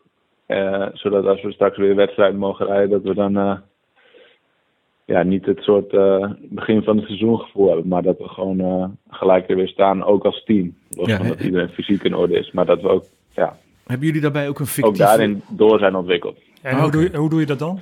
Ja, dat, is- dat is dus de vraag. Er was nog geen antwoord. Maar eh, Dat lijkt me nog best een uitdaging Nee, ja, zo op afstand, hè, als iedereen eh, thuis zit. Ja, een aantal ideeën waren gewoon om, om oude koers te gaan eh, bespreken eigenlijk. En om bijvoorbeeld, eh, ja, eigenlijk normaal gesproken bespreek je je eigen koersen aan en leer je van de fouten die je hebt gemaakt. Maar misschien eh, als we een mooie oude koers bekijken, kunnen we ook wel leren van de fouten die iemand anders heeft gemaakt. Los van, los van dat het ook gewoon leuk is om, om je ploeggenoten weer eens een keertje, ja, niet echt te zien dan weliswaar, maar eh, Dus je gaat via videobellen, ga je, gaan jullie samen een koers kijken? Ja, nee, dat is nog niet helemaal afgesproken, maar dat was een van de ideeën die Ah. naar voren kwam in, dit, eh, in het gesprek van gisteren. Ja, leuk idee. Hey, en wij, deze, de, deze aflevering van de Krotcast gaat vooral over eh, Ivan Spekenbrink. Hè? En over hoe hij deze ploeg heeft opgezet. En eh, we hebben Maarten die kant op gestuurd. Die heeft eh, urenlang met Ivan gesproken. Ehm, wat vind jij van hem als, eh, als, als teambaas? Ja, ik, ik eh, kijk er wel tegenop hoe die, hoe die deze ploeg heeft opgebouwd eigenlijk. Van, eh, van iets heel kleins tot nu toch echt wel een, eh, ja, ik, ik durf bijna wel te zeggen, de meest gestructureerde World Tour ploeg die er is, zeg maar. En hoe, En, eh, hoe trek jij die conclusie? Ja, dat is wat. Ja, dat is ook moeilijk zeggen natuurlijk. Uiteindelijk heb ik alleen maar van deze ploeg een, een kijkje van binnenuit. Nou ja, je dat traint ook- met Niki Terpstra, die zit nou in een Fra- Franse ploeg. Dus die zal vast wel eens wat tegen je Ja, vertellen. precies.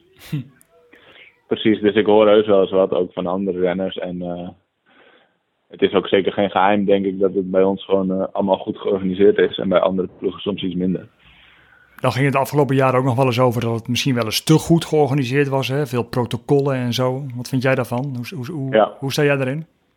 Eh, er is misschien iets van waar, maar over het algemeen denk ik dat juist, juist heel veel van die protocollen, en dat heeft dan een hele negatieve lading gekregen daarvoor, door, door vorig jaar eigenlijk. Maar ja, in 2017 bijvoorbeeld, dat was een, een topjaar voor de ploeg. Er waren er minstens net zoveel protocollen en toen had niemand het erover. Dus ik denk juist ook dat heel veel van die dingen eh, zijn die de ploeg ook groot heeft gemaakt. En ook de renners in, in de ploeg. En is er, is, er, is er nu echt wat veranderd dit jaar met, eh, wat betreft die protocollen? Nou, wat betreft de echte werkwijze niet. Ehm, maar eh, de, ja, de richting van de ploeg is wel een klein beetje veranderd. In die zin dat er nu meer aandacht is weer voor sprints en, eh, en klassiekers. En vooral klassiekers die vragen er ook echt wel om, om, om in ieder geval bij de koers wat meer, ja, iets meer, niet per se op intuïtie, maar iets meer eh, open te koersen, zeg maar. Ja, Iets meer offensief. nou, leuk. En eh, dat, dat, dat geeft al een ander gevoel, zeg maar. Dus Ja. Het is al een andere, toch net een andere manier, ja, niet een andere manier van werken, maar net een andere perspectief of zo. Eh, Ivan, die had het erover van je moet in de voorbereiding maniacaal zijn in al die details die ermee te maken hebben. Maar in de, in de koers moet je zorgen dat de renners vrij zijn om hun eigen verantwoordelijkheid te nemen. Ja, Herken je in die uitspraak? ja, op zich wel. Kijk, als je, ja, bijvoorbeeld een dingetje wat, eh, wat echt wel van Iwan komt ook, is denk ik dat, dat je heel veel scenario's eigenlijk doorspreekt. Ehm, niet per se om ervan uit te gaan dat een van die scenario's het gaat worden. Maar meer zodat, zodat je in de koers gewoon veel makkelijker kan schakelen. Dus, dus je weet wat er ongeveer kan gaan gebeuren. Ja. En dan, eh, ja, dan kan je gewoon makkelijker omschakelen, omdat je, ja, misschien wordt wel een mix van eh, scenario 1 en 3 wat je hebt besproken. En dan is het iets heel anders dan, maar dan is het toch makkelijker eh, overstappen als het. Kees, hopen dat je binnenkort kan, eh, kan koersen en het allemaal kan toepassen. Ehm, weet je, Ja. we, we willen je niet langer ophouden, want het is ook eh, een belangrijke dag, hè? geloof ik. In de, Verjaardag van zijn vriendin. dat bedoel ik. Heb je een beetje cadeau Ja. gekocht of is het weer helemaal niks? Nee, ik heb mijn best gedaan. Maar het moet, het, eh, ik kan nog niks verklappen. Oh, Anders hoort ze het nu al. Oké, dan houden we ons mond. Hé, hey, dankjewel joh. dankjewel Kees. Jo, graag gedaan. Hoi. Kees wil tot ziens. Hoi. Terug naar de verjaardag. Goed, ja, eh, over, ja leuk, leuk verhaal hè, om te horen. Ehm, over die... eh, Maar hoor je wat, ik hoop dat we er nog een klein stukje van eh, op band hebben van eh, Ivan. De, de, dat, dat loslaten in de koers. Dus manicaal voorbereiden, grip op je voorbereiding en het dan in de koers mhm. loslaten. Dat, dat is een woord wat hij gebruikt. Maar dat, dat heeft hij moeten leren en dat vond hij moeilijk. En vindt hij nog steeds moeilijk. Want die scenario's, voor je het weet, gaan die renners zich verschuilen in die scenario's. Wat je heel vaak ziet in wereldkampioenschappen. Alle ballen op één man. Terwijl, ja, denk eens na, kijk wat er gebeurt. Profiteer van een onverwachte wending, doe iets. En dat, eh, dat, eh, dat leren ze nu. We gaan nog even terug naar de. Want we hebben het dus nu ook al gehad met Kees Bol over hoe het nu dit jaar in de ploeg gaat. En hoe dat misschien ook wel inderdaad wel een beetje anders is dan vorig jaar. Eh, we doen even een stapje terug nog naar het onderwerp waar iedereen in het Nederlandse wielrennen zich eh, voor je, vorig jaar de tong blauw overlulde. Tom, Het vertrek van Tom Dumoulin bij, Sun- bij Sunweb. jij was aan het vertellen hoe het dan concreet eraan toe gaat als je met Tom Dumoulin, iemand die je, van, ja, die je gewoon tot wasdom hebt meegebracht, dat, dat je dan tot de conclusie komt van de rek is eruit. Dat is geen echtscheiding, maar het doet toch wel even, dat zijn toch wel dingen. Nee, tuurlijk. Eh, alleen we proberen ook positieve mensen te zijn. Op het moment dat je acht jaar lang het elastiek ook steeds verder hebt kunnen oprekken. En, en ik denk dat we op bepaalde momenten een topsport tot perfectie benaderd hebben. En dat is ook hoe snel we innovaties konden invoeren, hoe goed we konden samenwerken. Terwijl Tom best wel van nature ook wel ja, eh, Ja, grip en controle eh, wil Ja. hebben. Daar, daar heeft hij zich heel goed in kunnen ontwikkelen. En, ehm, en ja, dan, ik bedoel, dan win je een Giro, dan wordt hij wereldkampioen. Daar hebben we hele mooie dingen bereikt. Maar op het moment dat, dat, hij, dat, dat hij aangeeft van ik weet niet of ik dit nog kan opbrengen. Dan, dan Wanneer gaf hij dat aan? ja, dat was toen hij, toen hij thuis kwam te zitten, wat jij, wat Ja. jij aangeeft. Ehm, Maar betekent niet eh, dat je ook de balans een beetje kwijt bent geraakt? Eh, Net zoals je nu de balans in het gastheerschap af en toe ook even uit oog verliest. Nou, maar, maar uiteindelijk is het. Volgens mij moet je ook accepteren dat mensen zich ook ontwikkelen zoals ze zijn. En, eh, en, en, en zijn situatie is veranderd. Hij is niet meer de Tom Dumoulin die net beroepsrenner wordt, waar iedereen dacht dat is een leuke tijdrijder. Maar het is de, misschien wel de meest voorname Nederlandse sportman. Wij zijn groter geworden, er is steeds meer kennis bijgekomen in een ploeg. En, en dingen veranderen. En op het moment, dat is gewoon intrinsieke motivatie. Op het moment dat jij. Het is niet een hele makkelijke sport wielrennen.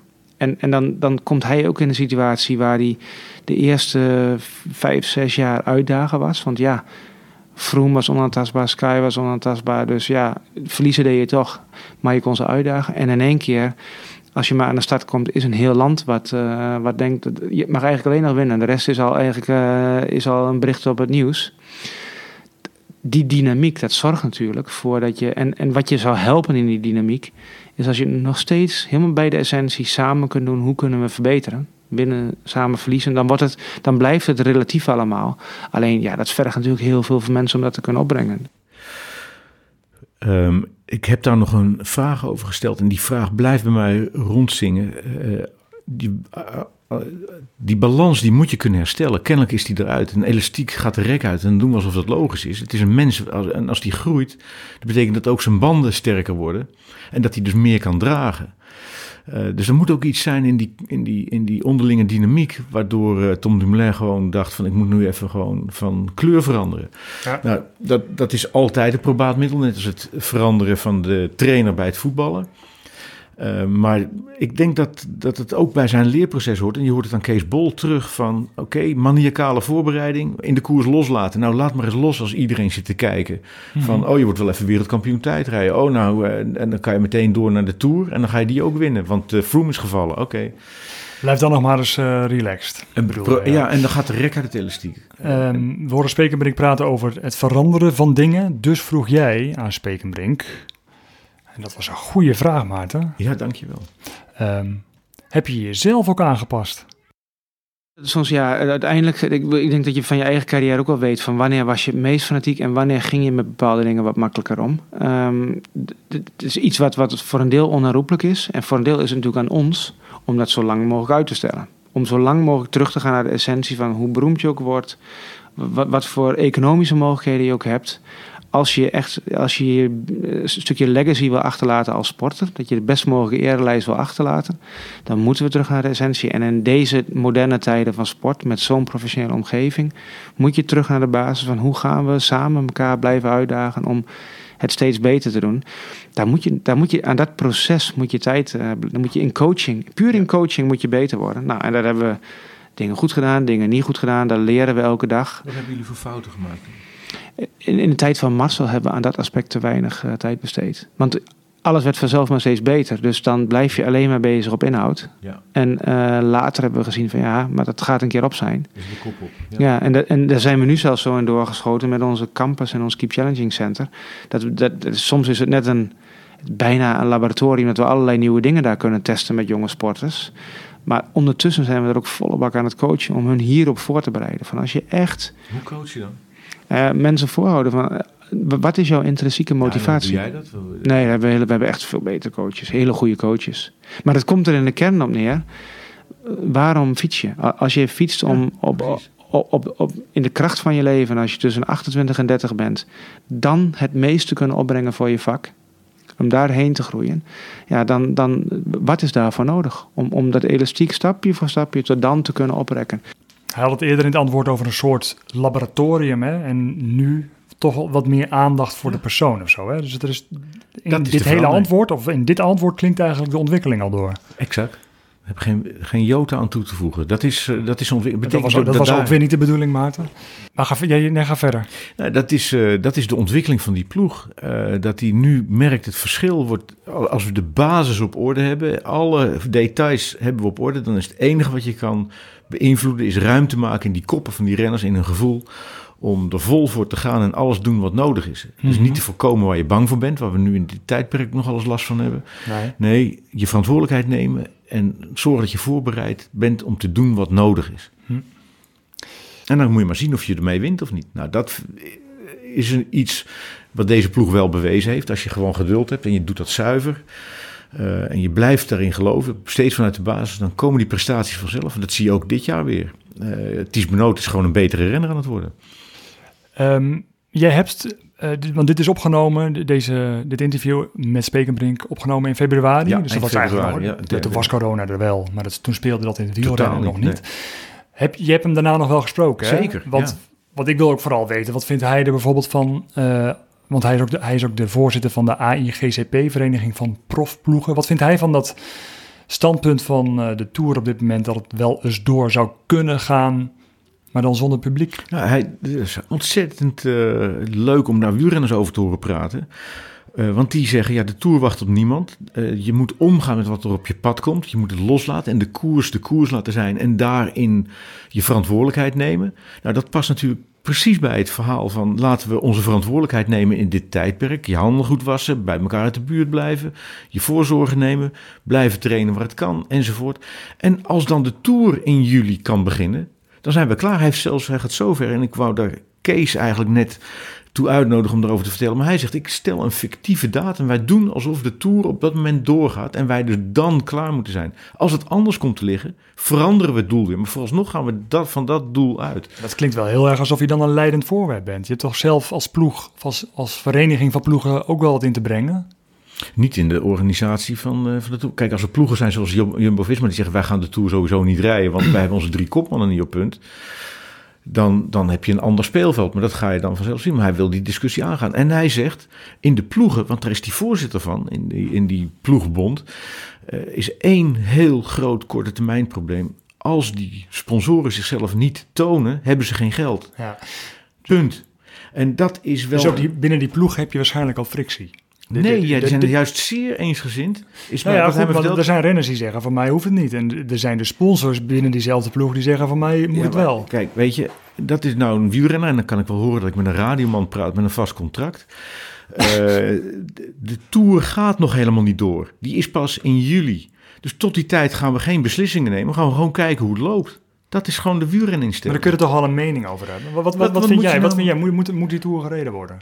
Als het kan, moet hij gereden worden. Als het niet kan, moet hij niet gereden worden. Dat gaan we nu niet beslissen. Dat, nemen we, dat besluit nemen Dus we het zou dan het enige sportevenement zijn. En maar maar, Ja, maar het daarom- gaat er ook vooral om. daarom het gaan moet hier verreden worden zonder publiek. Als een soort spook eh estafette door Kijk, uh, Ik spookkaravaan ga je een door, paar voorbeelden Frankrijk. geven. Ik ben niet van mening dat hij door moet gaan. Ik ben van mening dat je de optie open moet houden. Je bereidt je voor en dan ga je kijken. En ze gaan ergens half mei gaan ze een beslissing nemen. Want dan is echt wel de deadline. Als we daarna nog moeten gaan besluiten, dan zijn we, Mhm. hebben we het niet meer voor elkaar en weet ik het wat.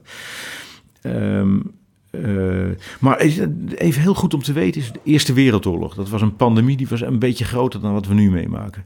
De jongens die daar in de loopgraven Spaanse griep. Nee, ik heb het over de loopgraven en de Spaanse griep daarna nog overheen in Amerika. 1919 was de omloop van het slagveld. de omloop der slagvelden. En reden jongens die in de loopgraven hadden ge- gevochten, degene die het overleefd hadden, reden de ronde van de, van de slagvelden vijf maanden na dato. En de, de, de vibe die door dat land heen ging, van hé, hey, de krokussen komen weer op, die kwam dankzij het wielrennen. Ik, en daar zat natuurlijk een economisch belang achter van de krant die dat organiseerde. En toch was het effect daar. Ik pleit niet voor dat moet je wel doen, moet je niet doen. Laten we nou even wachten en die wielrenners de kans geven, gewoon volgens hun natuur, door te gaan waar andere mensen ophouden. Ben jij nog eh, fit? Ik ben zo fit als wat. Goed zo. En maar ik moet eerlijk zeggen, mentaal komt er bij mij ook wel wat. We kunnen toch niks. Dus je back to basics. En eh, waar gaat het nou eigenlijk echt om? Dat zijn toch wel eh, mooie vragen. Van, nou, kennelijk eh, rijden we ons helemaal te barsten in de files elke dag naar ons werk. En dat is helemaal niet nodig. We kunnen het ook van thuis. Dus het zou een beetje raar zijn als na deze crisis de files weer eh, zouden staan als vanouds. En eh, dit denk, stemt wel tot nadenken van hoe gaan we hiermee Wat om? waren we eigenlijk aan het doen en Ja, hoe moeten we dat straks gaan doen? nou, en daarom pleit ik ook zo voor dat wielrennen van... ga er niet nu beslissingen nemen. Wacht gewoon even af. Hoe ontwikkelt zich dat? En we gaan geen onverantwoorde dingen doen. Denk je dat de wielerkalender volgend jaar eh, hetzelfde uitziet? Of gaat het ook gevolgen hebben in het wielrennen? Er ervan uitgaan dat het binnenkort allemaal weer op gang komt... en dat het volgende seizoen in principe gewoon een normaal seizoen zou kunnen zijn? Of is het misschien, eh, gaat de boel op de schop? Ik denk dat, eh, dat er twee hele grote eh, showstoppers gaan zijn. Dat is dat een aantal ploegen gewoon... stel je bent Hans Bora en je betaalt 4 miljoen aan salaris van, van Sagan... en je verkoopt geen kraan, nul. Niet eens minder dan je eerst deed, nee, gewoon niet. Dan heb je echt volgend jaar een probleem van hier tot Gunter. Wat denk je van een organisatie die van zijn lokale sponsoren moet hebben? Die hebben ze niet. En volgend jaar ook niet. Het zou best kunnen dat er, dat er koersen... Er zijn omvallen, gewoon geen koersen. omvallen, Ja. Er gaan, er, gaan, er gaan organisaties omvallen. Hoe ga je dat doen? Dus dat betekent, het gaat wel weer komen, want dat is nou weer het mooie aan wielrennen. Zolang er wegen zijn waar je over kan fietsen en jongens en meiden die hun leven willen wagen op zo'n stuk ijzer, of tenminste dat was vroeger en nu carbon, zal er wielrennen zijn. Maar in de huidige vorm lijkt mij uitgesloten. Ja. Ik denk dat een aantal ploegen echt eh, niet het hoofd boven water kunnen houden en een aantal organisatoren zeker niet. Maar ja, goed, dat zie je dus door de hele maatschappij. We hebben het nu over het wielrennen, maar overal is, gaat, woedt er eigenlijk een soort van bosbrand. En er blijft een soort, ja, er blijft een afgefikte vlakte over. En daar komen dan weer nieuwe boompjes de komende jaren omhoog. En dat kan hartstikke mooi worden, alleen het zal er anders misschien wel uitzien dan voorheen. Ja. Ja? Vooral op die twee fronten, de ploegen en de organisatoren, dat, zijn toch, dat is de bakermat van hoe koers ontstaat. Dat, die hebben echt een eh, deuk eh, in hun hoofd. Oké, nog een paar dingen. Tot slot, eh, we hadden Annemiek van Vleuten uitgenodigd. Ehm, die wilde graag in de krotkast komen.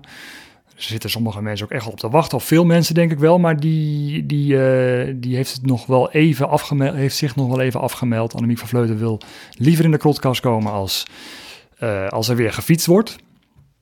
Eh, dus dat, eh, Maar weet je haar, hoeveel- houden we, haar als gast houden we nog te goed. Maar ik, Eh, wil, ik ben verder heel, nog plannen? Ja, ja, ik ben heel benieuwd naar de vrouwen. Ik heb eh, Ellen van Dijk twee maanden geleden eh, gesproken. Die, heeft, een- die is van Sunweb weggegaan nu naar Trek. Eh, maar die heeft een enorme valpartij in, in, in, in de latere jaren van haar carrière. Heup gebroken, weet ik veel wat. Hoe kom je terug? Hoe, hoe ziet zij het vrouwenwiel? En dat is een verstandige vrouw. Kan niet alleen hard fietsen. En ik, Marianne Vos, die, eh, die, die durf ik eigenlijk niet te bellen. Moet jij maar weer doen. Nee, Zo'n die- instituut, maar dat zijn toch ook vrouwen die iets kunnen doen. En dan wil ik Annemiek van Vleuten nog wel eens horen van... nou, die twee zeggen dit, wat zeg jij? Dan kijken of ze nog een keer de hoofd... Marianne Vos, ik schrijf meteen op. Maar dat, dat kun je natuurlijk net zo goed regelen. Tuurlijk, die woont bij mij om de hoek. Dat bedoel ik maar.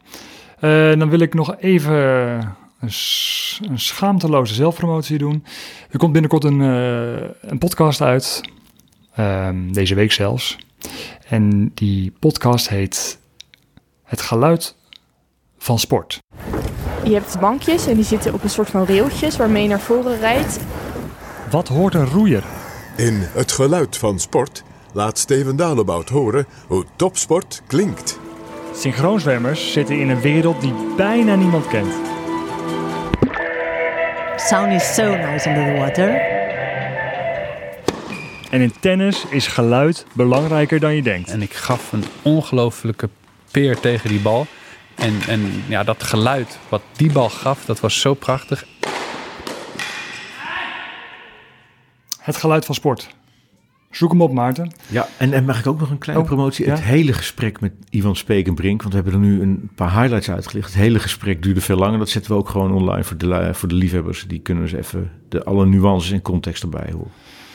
Dankjewel, elleboog en eh, tot, eh, tot snel. Steven Dalebout. Steven Dalebout. Maar daarvoor zitten ze duidelijk linkerballen, linkerballen, linkerballen. Steven Dalebout. Steven, Steven Dalebout. Oh, weer valpartij. Maarten Dutroux. Wat is dat nou toch?